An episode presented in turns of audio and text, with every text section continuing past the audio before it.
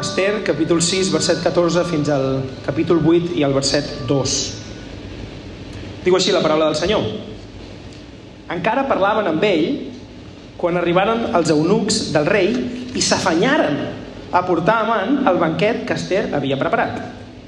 I el rei vingué amb Amant per veure amb la reina Esther. I també aquest segon, aquest segon dia el rei digué a Esther durant el banquet del vi «Què demanes, reina Esther?» I et serà donat. I quina és la teva petició? Encara que demanis la meitat del regne, se't concedirà. I la reina Esther va respondre i digué si he trobat gràcia als teus ulls, o oh rei, i si li sembla bé al rei, que se'm concedeixi la meva vida. És la meva petició. I la salvació del meu poble és la meva requesta. Perquè jo i el meu poble hem estat venuts per ser destruïts, matats i exterminats. Si haguéssim estat venuts com esclaus i com esclaves, hauria callat, malgrat que l'enemic no hauria compensat aquest perjudici al rei. Llavors el rei Assuer respongué i digué a la reina Esther «Qui és aquest? I on és aquest que ha instigat en el seu cor a fer això?» I Esther digué «L'adversari i l'enemic és aquest malvat amant, i Amant es va esfereir davant del rei i de la reina. I el rei s'aixecà enfurismat del banquet del vi i se n'anà a l'hort del palau. I Amant es quedà per suplicar per la seva vida a la reina Esther, perquè veia que el rei havia determinat el seu mal. I el rei tornà de l'hort del palau a casa, a la casa del banquet del vi, i trobà a Amant estès sobre el reclinatori on era Esther. Llavors el rei digué, encara voldràs forçar la reina amb mi a la casa? I tan aviat com això sortí de la boca del rei, cobriren el rostre de Man. I Arbonà, un dels eunucs, digué davant del rei, heus aquí la forca de 50 colzades d'alçada que Aman havia fet per Mardoqueu, el qual havia parlat bé en, en bé del rei, està aixecada a la casa d'Aman. Llavors el rei digué, pengeu-li i penjaren a Amant a la forca que havia preparat per Mardoqueu. I la ira del rei s'apaivagà. I aquell mateix dia el rei Assuer donà a la reina Esther la casa d'Amant, l'adversari dels jueus, i Mardoqueu vingué davant del rei, perquè Esther li havia declarat el parentiu que tenia amb ella. I el rei estregué el seu segell que havia pres d'Amant i el donà a Mardoqueu. I Esther posà Mardoqueu sobre la casa d'Amant. Amén. Aquesta és la paraula del Senyor. Hola i benvingut al podcast de Ciutat Nova, una església protestant al barri 22 arroba de Barcelona.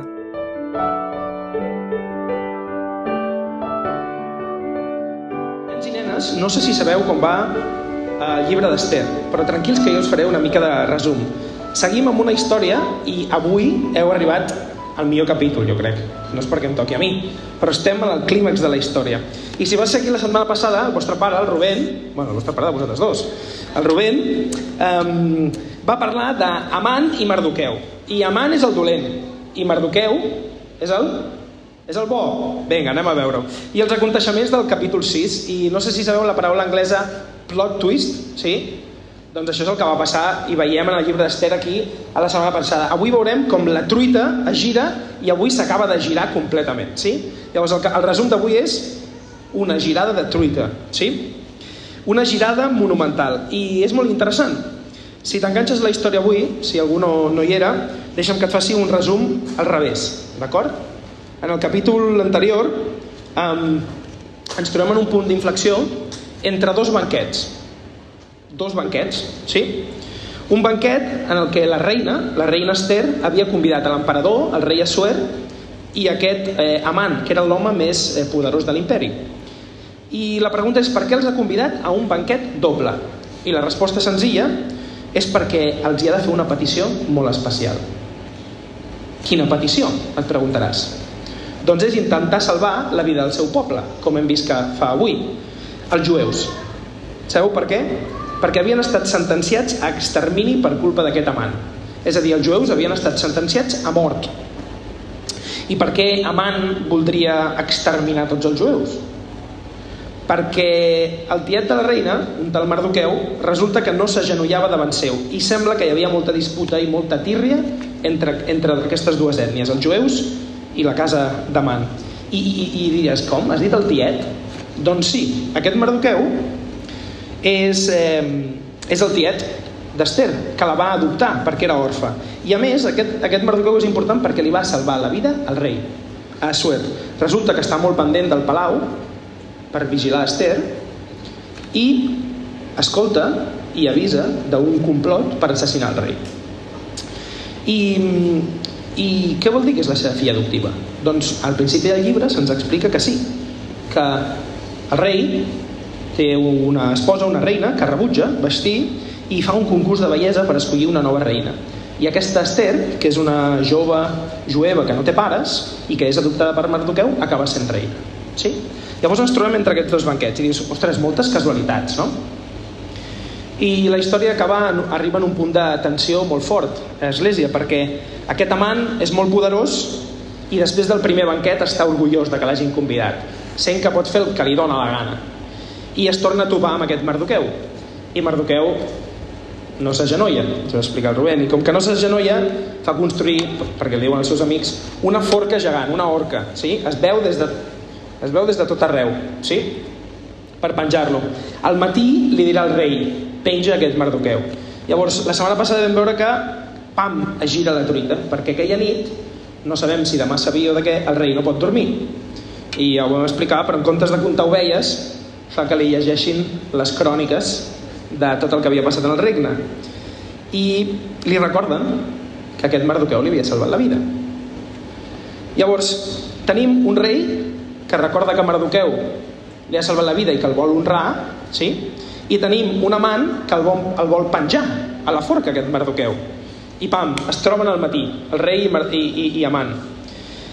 I Amant va al palau per sortir-se amb la seva, però la ironia és brutal perquè acaba, aquest amant, el dolent, acaba humiliat honrant a Mardoqueu i passejant-lo, per idea seva, amb vestits reials i amb un cavall per la ciutat.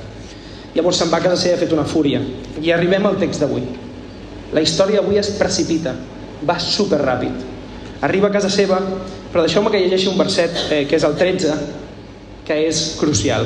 Quan arriba enfurismat a casa seva i explica això a la seva muller, Amant, diu al capítol 6, verset 13, i tots els seus amics, quan va explicar el que li havia passat, la seva muller i els seus amics li digueren si Mardoqueu, davant del qual has començat a caure, és del llinatge dels jueus, no podràs res contra ell, sinó que cauràs irremediablement, irremissiblement davant d'ell. I avui hem llegit efectivament la caiguda d'aquest amant, ho acabem de llegir. Veiem que és completa, que és irremissible, que és perdonable, que no té remei i que acaba penjat en la seva pròpia forca. I el text d'avui quina implicació té en les nostres vides. Ens serveix per alguna cosa aquesta història avui? I us faig una pregunta. Sí? Ens agrada que els dolents acabin malament? Sí o no? Ens agrada, eh? Que els dolents acabin malament. Us agrada? I us agrada que els bons acabin bé, no? Ens agraden aquestes històries, no? Els bons acaben bé i els dolents... Sí? Eh, potser necessitem que algú ens digui i ens recordi perquè a les vostres vides no sé si sempre és així al col·le que els dolents acaben malament i els bons acaben bé. Sempre és així. Llavors està, està bé no? que de tant en tant algú ens digui els bons acaben bé i els dolents malament. Ho necessitem escoltar. Només passa els contes o passa la realitat, això? Perquè potser algú de vosaltres diu és que això de que els bons acaben bé i els dolents malament només passa a les històries i a les pel·lis. A la meva vida no. Què, què en penseu? Llavors sí, potser necessitem que algú ens digui que Déu Déu té el control del món. I com que Déu té el control, al final els bons són recompensats i els dolents acaben rebent el que mereixen. I sí, Església, avui veurem que Déu promet això i és part del que veurem avui. Rep un consol avui, si estàs escoltant, sí, aquest Déu invisible del llibre d'Ester fa justícia. Sí, això és cert. Però això no és tot. I vull fer-te una, vull fer una pregunta, ¿vale? i m'agradaria que la tinguessis en ment mentre repassem aquesta història. I la pregunta és, en què es diferencia aquesta història dels jueus, d'Ester, d'Amant, de Mardoqueu i del rei Assuer amb la típica pel·li o amb la típica història de bons i dolents. Vale? Quina diferència hi ha entre la història que acabem de llegir de la típica pel·li on, per resumir una mica, els dolents tenen el seu merescut i els bons surten vencedors al final, sí? O sigui, càstig pels dolents, recompensa pels bons. Quina diferència hi ha? El resum que hem, del que ha passat avui és que veiem com Amant cau. El dolent, en aquest gir brutal, després d'aquesta intercessió d'Ester al rei, sí? aconsegueix que un Mardoqueu que havia de ser penjat acabi sent el ministre de tot el regne, a més ric amb les possessions d'aquest amant, i amant penjat a la, a la seva forca. Quina diferència hi ha entre això i una història típica de bons i dolents? I abans de respondre a la pregunta farem una mica com aquests dies, ¿vale? farem un breu repàs als versets que hem llegit per donar una mica de claretat al tema i veurem tres implicacions. Sí? La primera implicació és que el Déu invisible fa justícia, és a dir, que els malvats cauran. Veurem com Amant ens ensenya o ens parla de la justícia de Déu amb els malvats. La segona implicació, Església, és que Déu té misericòrdia del seu poble. Sí? Amb Esther i amb Mardoqueu i amb el rei, eh, veurem, o aquests personatges ens parlen, de la misericòrdia de Déu amb nosaltres. Sí? Llavors, Déu fa justícia, Déu, és, Déu fa misericòrdia amb el seu poble, i després veurem una tercera implicació, i més important, i és que Déu assegura el futur del seu poble. Déu assegura el futur del seu poble. Llavors veurem com Mardoqueu ens anticipa l'Evangeli en aquesta història. Sí? Tres implicacions. Déu fa justícia, Déu té misericòrdia del seu poble i Déu assegura el futur del seu poble. Anem al text, sí? Hem llegit que Amant encara estava parlant amb la seva dona i els seus amics i els eunucs s'afanyaren a portar-lo al banquet. I el ritme de la narració s'accelera. Aquest home fa tard al banquet. Avui he fet tard a l'església. Sí. I et poses nerviós. Aquest home ja estava malament i nerviós. I ara venen a casa seva i li diuen, corre que fas tard. Fas tard al banquet. Faràs esperar al rei i a la reina. Uf, estàs... Està... Cuidao, no? No ha fet els preparatius necessaris. Se li ha fet tard. Tot li està sortint malament. Vull que entengueu com la història pretén o l'autor pretén que veiem que aquest amant a partir d'ara serà engolit per les circumstàncies. Està perdent el control. Saps allò d'haver-les venir? Doncs Amant ara se l'endú una correcuita. I un cop comença el banquet, ell està com un mer espectador. No té el control de res. Els protagonistes són Esther i el rei, i ell és un espectador que només pot veure com el seu destí li passa per davant. I el fort és que no pot fer res i sap que està perdut. Llavors té angoixa, però la pregunta és fins a quin punt. I m'agradaria explicar-vos una història perquè m'ha passat divendres. No sé si ho sabeu, i ara faré una miqueta, que amb la cap d'estudis del meu institut ens van convidar a anar a França a veure l'ITER, que és un reactor de fusió nuclear que s'ha d'acabar, és el futur, 2050. Sí? I quan tornàvem, eh, teníem diverses hores, perquè el vol era a les 11 de la nit, el divendres, teníem diverses hores per, per, per, per visitar una ciutat que estava a prop, on, on vam dormir, que es diu Agen-Provence, no? I estàvem molt animats de dir, home, podrem fer una mica de turisme i tot. I la meva mare, al migdia, quan ens van dir sí, podeu agafar aquest autobús, tal, m'escriu un missatge i em diu fill, vés amb compte, s'està liant molt grossa a França, hi han moltes revoltes i han cancel·lat tots els transports de Marsella. I jo li dic, mama, en sèrio? Jo vaig jutjar la meva mare i li vaig dir, ja estàs, ja t'estàs preocupant massa, ja t'estàs passant tres pobles, no estic a Marsella i no sé si ho sabeu, però la policia va matar un jove d'origen eh, 17 anys, d'origen eh, immigrant i, i estan passant moltes coses a París, a Marsella també sobretot i vaig pensar, home, no estem a Marsella, estem a prop, l'aeroport era el de Marsella però no passarà res i saps, jo mig enfadat amb ma mare de dir, ostres mama, tenen l'oportunitat de fer turisme gràcies a Déu arribem a l'estació d'autobusos mitja hora abans i, i té diverses pantalles i anàvem caminant amb les maletes cap a baix, un, un carrer de baixada, i tot eren pantalles. A cada pantalla, una parada d'autobús. No sé gaire francès, però tot en vermell, anulé. Següent pantalla, anulé. Següent pantalla, anulé. I, i tu caminant, sense, sense, sense ser propietari de dir no puc fer res. Jo seguia caminant amb la meva companya i una professora de Malta i un irlandès, o sigui, anul·lat, anul·lat, i pensant, bueno, potser són els que van a Marsella, anul·lat, anul·lat. Fins que arribem a la, a la pantalla que posava el que anava a l'aeroport, anul·lat. I t'agafa l'angoixa. M'han avisat, però no puc fer res. Han anul·lat el transport a l'aeroport. Què puc fer?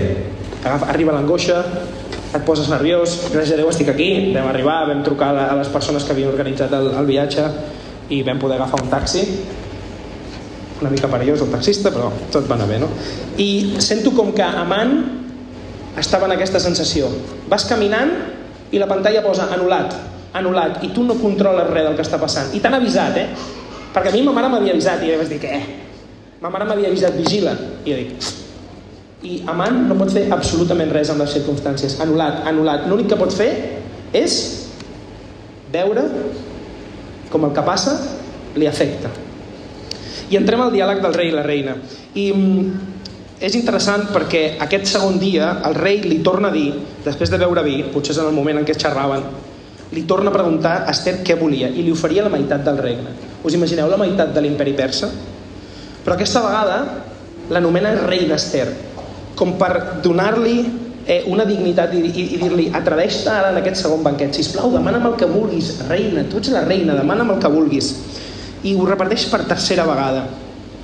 I potser és una exageració, però si et diuen que demanis mig regne i després demanes una altra cosa, t'ho hauran de donar, no?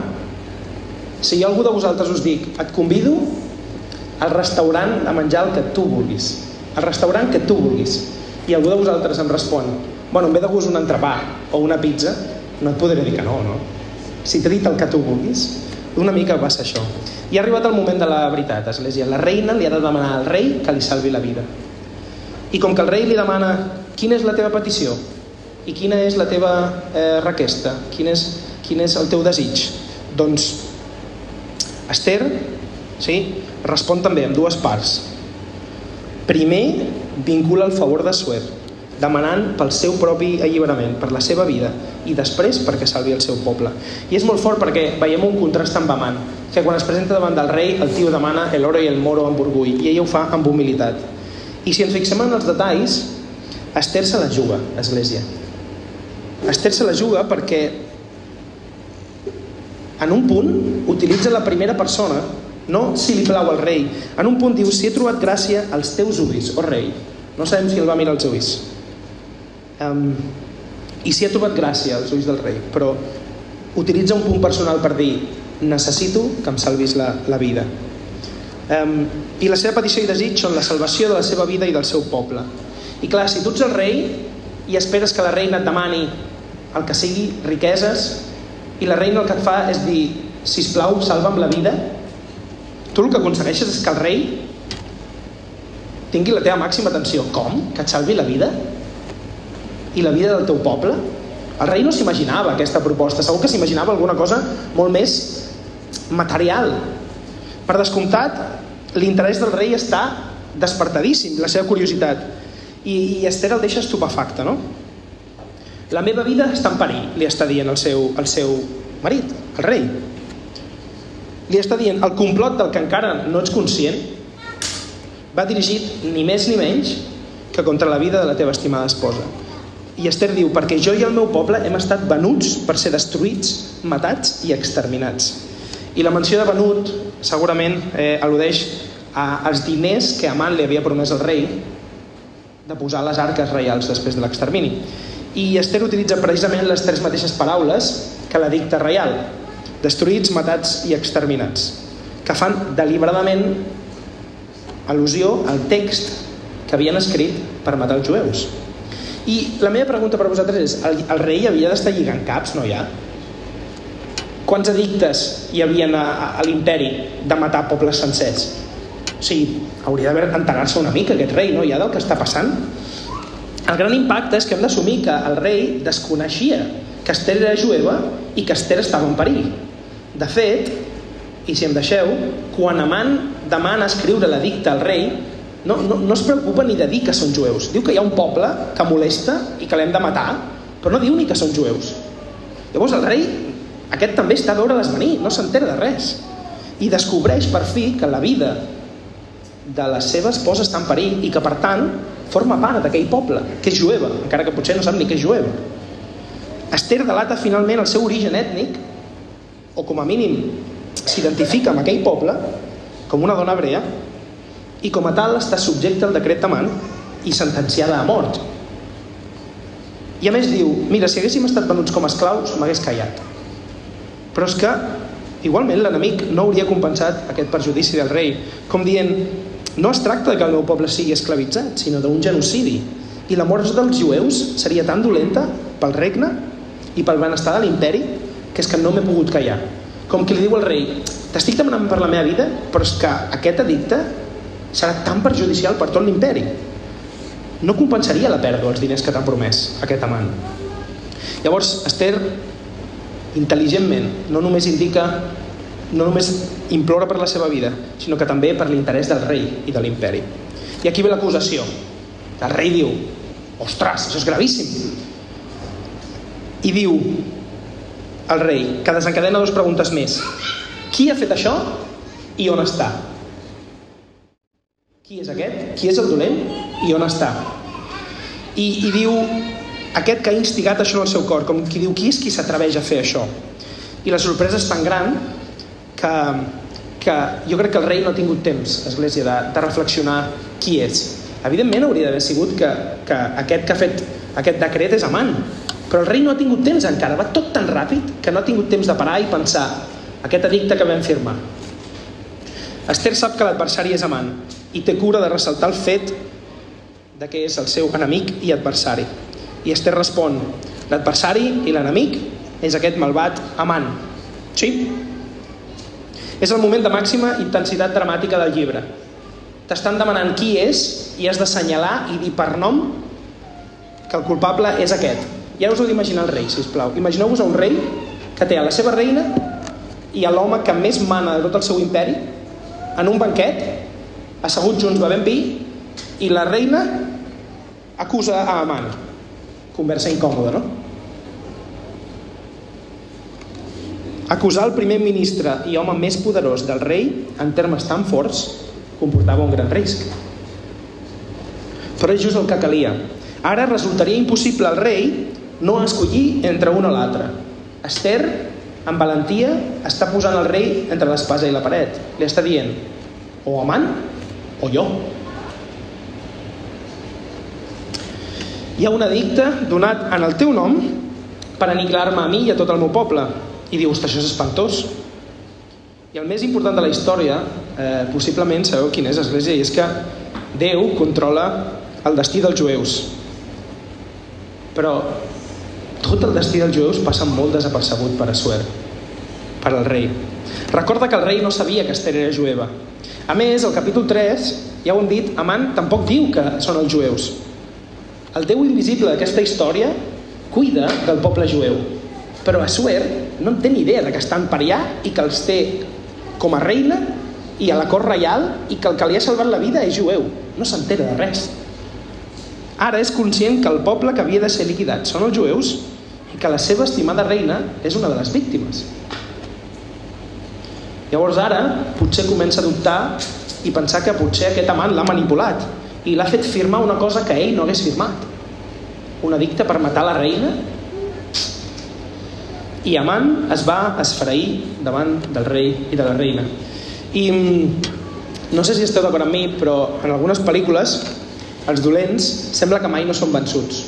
No us passa a vosaltres que quan esteu en una pel·li i sembla que han guanyat el dolent, penseu per dins, bueno, jo encara no m'enfio. Saps? Fins que no vegi les lletres, no us passa? Que sembla que han guanyat, però ui, jo no m'enfio encara. No esteu d'acord amb mi que Amant podria haver intervingut? Clar, al final és el segon contra la reina. Podria haver afegit una mentida. Podria haver negat les acusacions. Podria haver intentat sortir-se'n. Però Amant se sent engolit per unes circumstàncies en què ja no domina, li passen per davant. Sense refer-se del disgust de la seva conversa amb els amics, la seva dona li va dir que cauria, ara s'ho troba. No té forces per defensar-se davant del rei, ni per fingir indignació. volent aniquilar a Mardoqueu i a tots els jueus, en realitat havia sentenciat també a la reina. La reina també era jueva. Llavors, per, pel meu afant, he fet firmar al rei que mati a la reina. Estava perdut i es va esfereir. Les forces i els ànims li fallen. I anem a veure el desenllaç de l'escena, església. El rei s'aixeca enfurismat i se'n va a l'hort. Jo suposo que el rei, que també les veu venir, diu què està passant aquí? A mi m'han convidat a un banquet i ara em trobo una batalla campal entre la reina que em diu que aquest amant la vol matar i a tots els jueus. Ple d'ira necessita temps per pensar. I de moment, com us deia, jo no cantaria victòria, si fos Esther. No estaria tranquil·la. Ves a saber com reaccionarà aquest rei si llegiu tota la història veiem que aquest rei és un rei capritxós, que afirma, que exalta, que mata, que penja i no saps per on sortirà. Amant, per la seva banda, no tenia cap dubte. Seria destruït i potser l'únic dubte o l'única pregunta que tenia seria fins a on, com, si seria mort, si seria ser desterrat. I desesperat acudeix a l'única persona capaç d'ajudar-lo, i el llibre està ple de coincidències i d'ironies. I és que tant d'odi pels jueus, al final acaba suplicant-li aquesta dona jueva, Esther, la reina, pregant per la seva vida. I anem a veure la sentència, i és que el rei entra del palau i es troba a Amant sobre el reclinatori on era Esther. El rei torna a entrar a la sala i la imatge dissipa qualsevol dubte. Aquí les coses s'acaben d'accelerar. No ha tingut sort i per mala fortuna, a més s'inclina davant del divan d'Ester desesperat en senyal de súplica aquest amant per salvar la seva vida i aquesta postura és ambigua i es presta a malentesos. I el rei entra i veu aquest amant massa a prop de la reina. I si era impensable que un home es quedés tot sol amb la reina, ja era insòlid que algú s'atrevís a tocar-la. El protocol de Palau, de fet, exigia que si el rei havia sortit de la sala enfadat, Amant també hauria d'haver sortit de la sala. Um, potser el rei, quan va tornar a entrar, no esperava ni que hi fossin, saps? Surto de la sala, marxeu. Però menys quedar-se sol amb la reina. I per la desesperació, Amant va descuidar el protocol. Llavors el rei ja no està en condicions de donar-li cap marge de confiança. I en veure'l en aquesta postura, diu encara voldràs forçar a la reina amb mi a la casa? I en sortir la paraula de la boca del rei li van cobrir la cara. No van haver d'esperar cap sentència ho tenien claríssim, els servents, els eunucs van dir això que acaba de dir el rei no és cap dubte. Havia sigut sentenciat a mort i tenim una intervenció de l'eunuc i si em deixeu fer una mica de broma aquest és el, personatge, el meu personatge preferit de tot el llibre perquè ara salta un, dels, una, un, un tal Arbonà, un dels eunucs, que no sembla gaire entusiasmat amb Amant, i diu, aventura una informació interessant, eh? per, si, per si, mira rei, per si t'interessa. I la truita gira a la perfecció. Arbonà proposa al rei la manera més convenient i apropiada d'acabar amb aquest amant. L'has de matar, no? Ah, doncs mira, per si t'interessa, que vull que sàpigues, eh? Ja que estem aprofitant la vinentesa, que justament Amant, a casa seva, té una forca molt alta tota la ciutat ho sap, menys vostè, senyor rei, perquè es veu des, dels, des de tot arreu. Que era per Mardoqueu, que no sé si se'n recorda, però aquest Mardoqueu li va salvar la vida a vostè, rei. Només per informar-lo. I, evidentment, el que fa el rei, eh, que veiem la ironia de que és l'últim que s'entera de tot, perquè segurament tota la ciutat havia vist aquesta forca de 25 colzes doncs per, si no en tenia prou, aquest eunuc li diu mira, hi ha una forca i a més aquesta forca era per, eh, per Mardoqueu, que et va salvar la vida. I evidentment la resposta del rei és doncs pengeu a Amant en aquesta forca. I van penjar Amant a la forca que havia preparat per Mardoqueu i la ira del rei s'apaivagà. I arribem a les conseqüències d'aquesta caiguda d'Amant. Al final, el, els, dos, els dos primers versets del capítol 8 ens diuen com Esther rep a les seves mans totes les possessions d'aquest amant que ha sigut penjat no com a majordoma, sinó com a propietària absoluta. Vale? I se'ns diu que Amant tenia una riquesa immensa.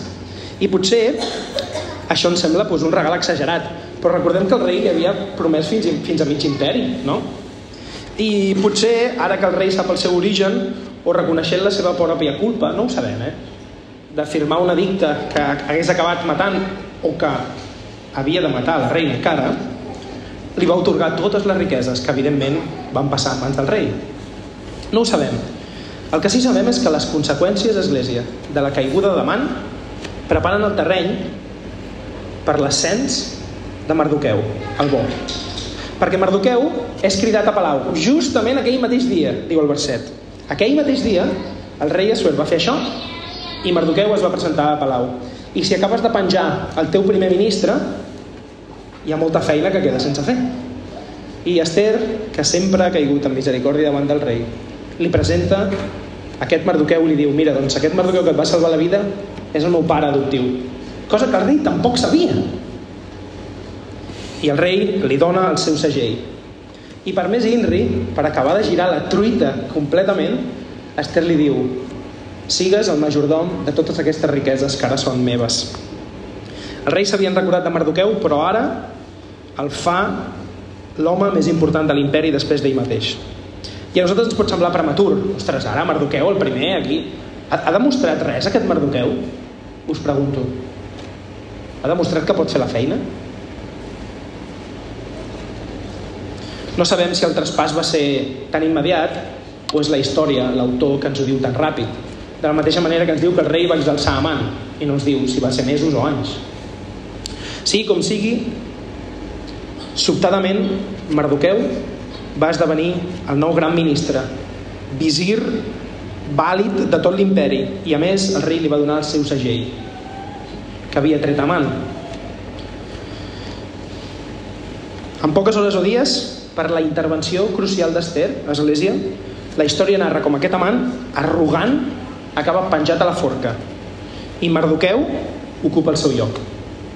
En comptes d'estar sota sentència de mort, ara Mardoqueu es troba com a amo de grans propietats, administrador de tot el que tenia Esther i l'àrbitre dels assumptes de tot l'imperi. I aquest és el resum. Aquesta és la història d'avui. I anem a veure quines implicacions té això per nosaltres. Mireu, Amant, el dolent, clarament representa i ens ens descrit com el gran enemic del poble de Déu, dels jueus. I m'agradaria que ens identifiquem a nosaltres, com a creients avui, amb aquests jueus a la història. Nosaltres som el poble de Déu. Sí? Llavors, Amant és com l'acusador, l'adversari, l'enemic dels jueus. Per tant, l'església és com una figura de Satanàs, del diable. És una figura que simbolitza la seva arrogància i el seu orgull, el seu odi al poble de Déu, el gran enemic. I aquí és derrotat. Però tant la humiliació i la derrota del dolent com la vindicació i l'executació de Mardoqueu tenen implicacions per nosaltres. La primera hem dit que el Déu invisible fa justícia i que el malvat caurà. I aquest amant ens parla de la justícia de Déu amb els malvats. Um, jo crec que això és d'ànim. Aquesta història ens ensenya una veritat que necessitem recordar, que ens hauria de consolar. I és que Déu té el control, encara que sembli invisible, i farà justícia. I el malvat rebrà el seu propi mal. I jo quan llegeixo la història o veig una pel·li sempre us he dit que tendeixo a malpensar de dir ui, s'ha acabat el perill, segur? Segur que ha estat derrotat? Em... Això és personal, però sovint penso que les persones dolentes tenen les de guanyar. No sé per què, i potser el Senyor ha de treballar això amb mi, i necessito escoltar aquesta història, i jo penso que en el món en el que he vist, les persones dolentes tenen les de guanyar. Perquè tinc la sensació de que la gent més dolenta és la que no té por d'anar fins al final, sabeu? Perquè sempre hi ha algú que no vol el conflicte, volem pau, no ens volem barallar. Però que els dolents de veritat són els que no té... acaben guanyant perquè és que aquest amant hagués arribat a després torna a dir una mentida i manipulo i sempre van fins al final. Perquè són despiadades aquestes persones i arriben fins on calgui. Quan el dolor del conflicte és tan angoixant que un no vol barallar-se més, pensa acaben guanyant els dolents perquè no tenen escrúpols i van fins al final, fins on calgui, fins a llocs on no, la resta no, dis, no voldríem seguir barallant. I això és una de les coses que més em retorça. Gràcies a Déu eh, han sigut poques vegades, però quan m'he trobat amb persones que penso uf, com poden arribar tan lluny amb mentides, amb acusacions, amb malversacions, amb... doncs he sentit com una impotència, no? I aquesta història eh, m'ensenya que Déu, el Déu invisible, fa justícia. Una veritat que necessitem recordar i que ens hauria de consolar. Déu és just i farà justícia, i el malvat rebrà el seu propi mal. I deixeu-me que, que us llegeixi un parell de salms. El Salm 7, els versets, si em voleu acompanyar, 11 al 17, diuen així. Estic al Salm 7. A veure si us agrada. Diu, Déu és un jutge just i Déu s'indigna cada dia amb el malvat. Si algú no es penedeix, ell esmola la seva espasa, tiba el seu arc i el posa a punt um, i prepara les seves armes mortals, fa dels seus darts perseguidors encesos. Heus aquí, trama iniquitat i concep la dolenteria i infanta la falsedat. I aquí ve la part eh, preciosa, diu, cava una fossa i la fa fonda, una trampa, un forat, però ell mateix cau dins el forat que ha preparat. La seva dolenteria tornarà sobre el seu cap i la seva violència caurà damunt la seva clepsa, la seva closca. Dono gràcies a Javé per la seva justícia. I jo el nom del Javé, l'Altíssim. I també, si em deixeu, llegeixo el Salm 37, els versets 32 al 40, que van en el mateix camí. Diu, el malvat espia el just i cerca de matar-lo, però Javé no el deixarà a la seva mà. I no el condemnarà quan ell sigui jutjat. Espera en Javé i guarda el seu camí, i ell t'exalçarà per heretar la terra. Quan els, quan els malvats siguin exterminats, tu no ho veuràs. I m'agrada molt aquests, aquests eh, versets que diuen He vist el malvat ofenós, s'estenia com un arbre frondós. Diu, però he passat per aquí i heus aquí, ja no hi és. L'he cercat, però no l'he trobat. Fixa't en l'íntegre i mira el just, perquè la fi d'aquest home és la pau, però els rebels seran tots destruïts. La posteritat dels malvats serà exterminada, però la salvació dels justos ve de Javé. Ell és el seu refugi en el temps de l'angoixa. I això és important, diu, i Javé els ajuda i els allibera. Els allibera dels malvats i els salva perquè es refugien en ell. Llavors, Església, la història d'aquest amant ens mostra això que diu el salmista, que els malvats cauen forats, trampes, però que ells mateixos cauen en la seva pròpia trampa, amant en la seva pròpia forca. Sí? Que la seva maldat tornarà sobre els seus caps. Que el malvat intenta matar el just, com va passar amb Amant i Mardoqueu, hem llegit. Però Déu és jutge i qui condemna al final. Sí? És a dir, que ningú podrà fer res que Déu no permeti. I jo sé que això és molt fàcil de dir. Però és el que ens ensenya. Ningú podrà fer res que Déu no permeti. I pot semblar que els malvats prosperen, però tard o d'hora desapareixen. I ja ve ajuda els justos i els salva perquè es refugien en ell. Molt bé. Anem a la segona implicació. Hem vist que Déu jutja els malvats, sí? I que els malvats, Miquel i Emma Joan, els dolents, tenen el que es mereixen. Ara, José Luis, jo et pregunto, els bons tenen recompensa? Sí? Vinga. Déu té misericòrdia del seu poble. És la segona implicació. I punt. Esther i Mardoqueu parlen de la misericòrdia i, de fet, és Assuer el que ens la mostra. Hi ha una cosa molt xula i és que veiem, no sé si esteu d'acord amb mi, que en tota la història, en tot, en tot el llibre d'Esther, tot, completament tot, Església, està en mans d'Assuer. Esteu d'acord amb mi? Tot està en mans del rei. Tinc la sensació de que el rei no s'entera de res. Però al final, tot està en les seves mans. Ell és qui tria Esther. Ell és qui exalta Man. Ell és qui firma l'edicte. Ell és qui honra Mardoqueu. Ell és qui dicta sentència i ell és qui executa a Aman i alça a Mardoqueu. Sí o no? Ho fa tot el rei. El rei és el que dicta aquesta sentència. I hem vist que Assuer no és un bon rei, no? és un rei capritxós, begut, no? orgullós, però quan Esther està al seu davant, automàticament podem identificar-nos nosaltres amb Esther i podem veure a Assuer com una figura que ens mostra com una finestreta a la relació que té Déu amb els seus fills, a Déu amb el seu poble. És fort que un rei dolent, quan té a Esther davant, es converteix en una figura d'un Déu bo i misericordiós. Aquest Assuer, una, un exemple de Déu, ui, raro, no? Doncs és així. Quan Esther és al seu davant, automàticament podem identificar-lo amb un Déu bo. Esther es presenta davant del rei sense ser cridada, i això era pena de mort. I el rei té misericòrdia amb ella, i Esther troba misericòrdia als seus ulls. Són paraules d'humilitat quan Esther li diu si he trobat gràcia als teus ulls, que se'm concedeixi la vida. Recordeu que més Esther ha amagat la seva identitat del rei i Esther presenta les seves peticions amb temor. Així és com ens hem d'acostar nosaltres al Senyor, sabent que quan supliquem aquest Déu, Esther, aquest Essuer, no tenim cap dret, sinó que depenem totalment de la misericòrdia d'aquest rei. Església, quan Esther es presenta davant d'Assuer en tot el llibre, aprenem moltes coses. Aprenem que vigila que aquest rei farà el que li doni la gana, però confiem que sense ser mereixedors podem demanar al rei qualsevol cosa i esperar el seu favor amb humilitat. El, el rei pot fer el que li doni la gana, però ens podem acostar a aquest rei, que serà misericordiós. I al principi us preguntava quina diferència hi ha entre aquesta història no? i una història de bons i dolents, típica. Què creieu? Hi ha alguna diferència?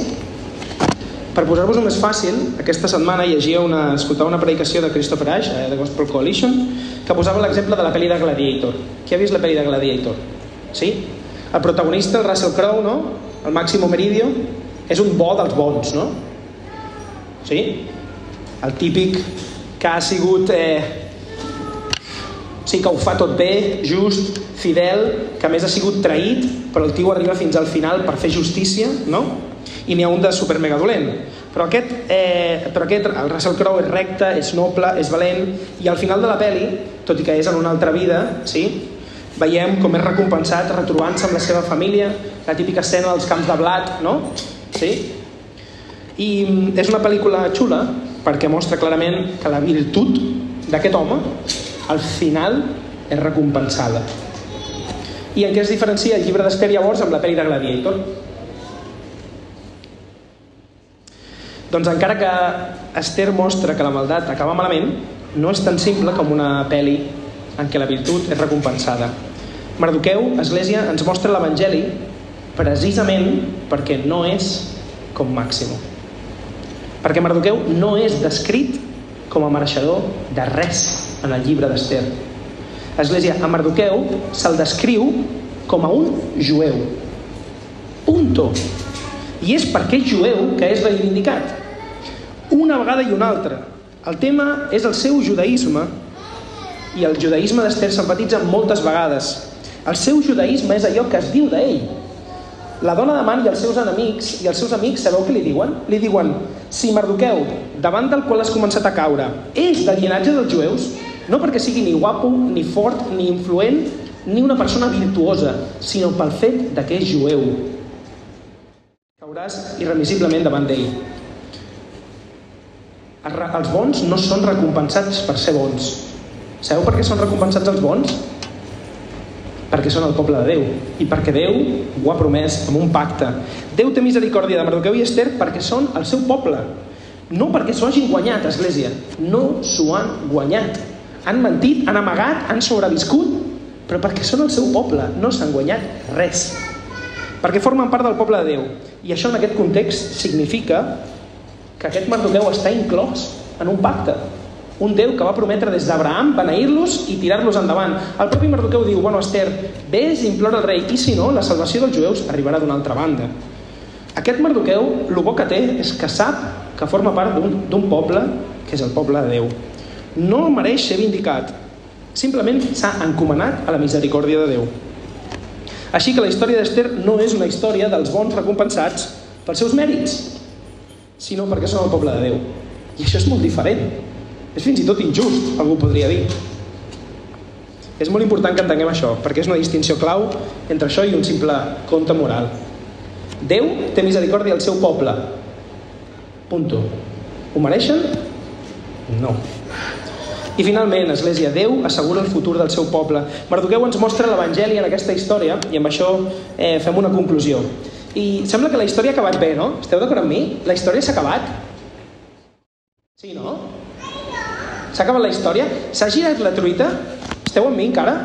No estic allargant. S'ha girat la truita? Clar. El, el dolent s'ha mort. Tot el del dolent és pel bo. S'ha acabat? Fe, podem... Esther i Mardoqueu se'n poden anar i surten els crèdits, la peli? S'ha acabat? Perquè podria semblar que s'ha acabat. Si ens, si ens ho imaginem en modo pel·lícula, és un bon punt, no?, per acabar la història i posar la, la musiqueta i les lletres. Mardoqueu ha estat reivindicat, Aman ha estat executat. El drama ha acabat pels protagonistes, tot ha acabat bé. Però no podem descuidar encara el poble, el poble jueu. Església, l'edicte per aniquilar-los segueix en vigor. I sempre intentem no fer spoilers, però avui hem de fer un spoiler, i és que això és molt simbòlic per nosaltres perquè en realitat ja ens estem relaxant, no? Que aixequi la mà qui ja s'ha relaxat amb la història després de que Aman estigui mort. Us heu relaxat, no? Una mica de dir, bueno, ara que Aman és mort i que Mardoqueu és el jefe de tot l'imperi, ja està, no? Estem bé. Doncs fem bé. Fem bé de relaxar-nos. Per què ens podem relaxar? Us pregunto. L'edicte encara segueix en peu. Per què ens podem relaxar? Ens podem relaxar perquè hem vist que el gran acusador, el dolent, és mort. I ens podem relaxar perquè hem vist que el representant del poble, mireu les paraules que utilitzo, el representant del poble ha sigut reivindicat i exalçat. I ens diem nosaltres mateixos, això d'acabar bé, no? Església, la implicació i la promesa més important que podem extreure ara sí del text d'avui no és que hi ha un Déu que fa justícia als malvats, perquè tu i jo som malvats, sinó que aquesta història apunta més enllà. Església, a un Déu que té cura d'aquells que es llancen a la seva misericòrdia i confien, i Déu et diu, jo he assegurat el teu futur. Com podem saber que el nostre futur està assegurat? que si ens llancem aquesta misericòrdia de Déu serem alliberats i vindicats. Perquè, no sé si ho sabeu, però el teu problema, el teu problema i el meu problema és que l'addicte segueix en peu. Per tu i per mi, l'addicte segueix en peu. I ho hem de dir, Déu és just i jutjarà el malvat. I l'addicte segueix en peu per tu i per mi. I és que al final Déu et jutjarà a tu i a mi. I és el que passa amb nosaltres i amb tota la humanitat. Que Déu just que és just, emet un judici per tothom. El que passa és que el Nou Testament ens diu que cinc o sis segles després de la història del llibre d'Ester va haver-hi un home que sí que va ser veritablement just, que va ser enviat per aquest Déu just no a la forca com a man, sinó a la creu. Estem parlant de Jesús. Que va anar a la creu. I ell, aquest Jesús, era completament just i innocent. Però havent anat a la creu, aquest Déu invisible, aquest Déu ocult, um, l'havia fet rebre el judici que pertocava a tota la resta, a tots aquests jueus, a tot aquest poble. Com si Amant pengés a Mardoqueu en representació a tot l'odi que tenia o el judici que creia que mereixien tots els jueus.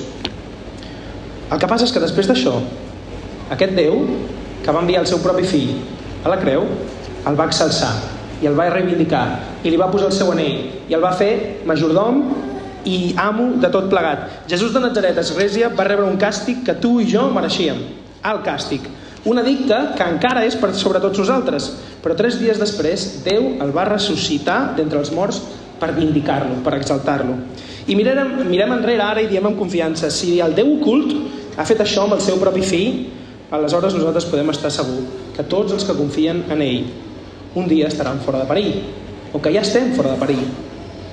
I mentre mirem enrere la creu avui diumenge, ens trobem com el poble jueu, sabent que l'edicte hi és, però que Mardoqueu, que Jesús ja ha estat vindicat.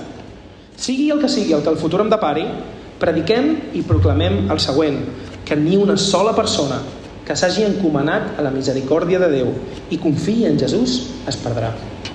Església, encara ens queden tres capítols de la història d'Ester, però avui ja podem dir que perquè Mardoqueu ha sigut vindicat, perquè Jesús va ser ressuscitat, mort per nosaltres, i ressuscitat, ningú que creiem en ell i ens aboquem a la seva misericòrdia es perdrà.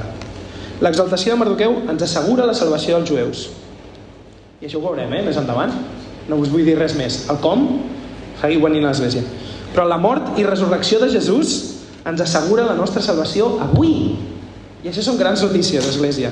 Una salvació immerescuda, una sentència pagada per un que era veritablement just.